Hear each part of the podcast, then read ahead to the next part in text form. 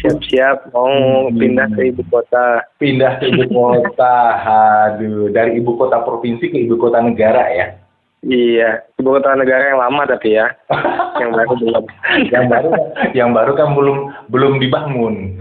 Tapi obrolan di siang hari itu saat di rumah sakit kebetulan menjenguk dia yang sedang sakit. Di situlah saya mendapatkan arti hidup yang sampai hari ini saya masih pegang. Kita itu eh, harus jadi emas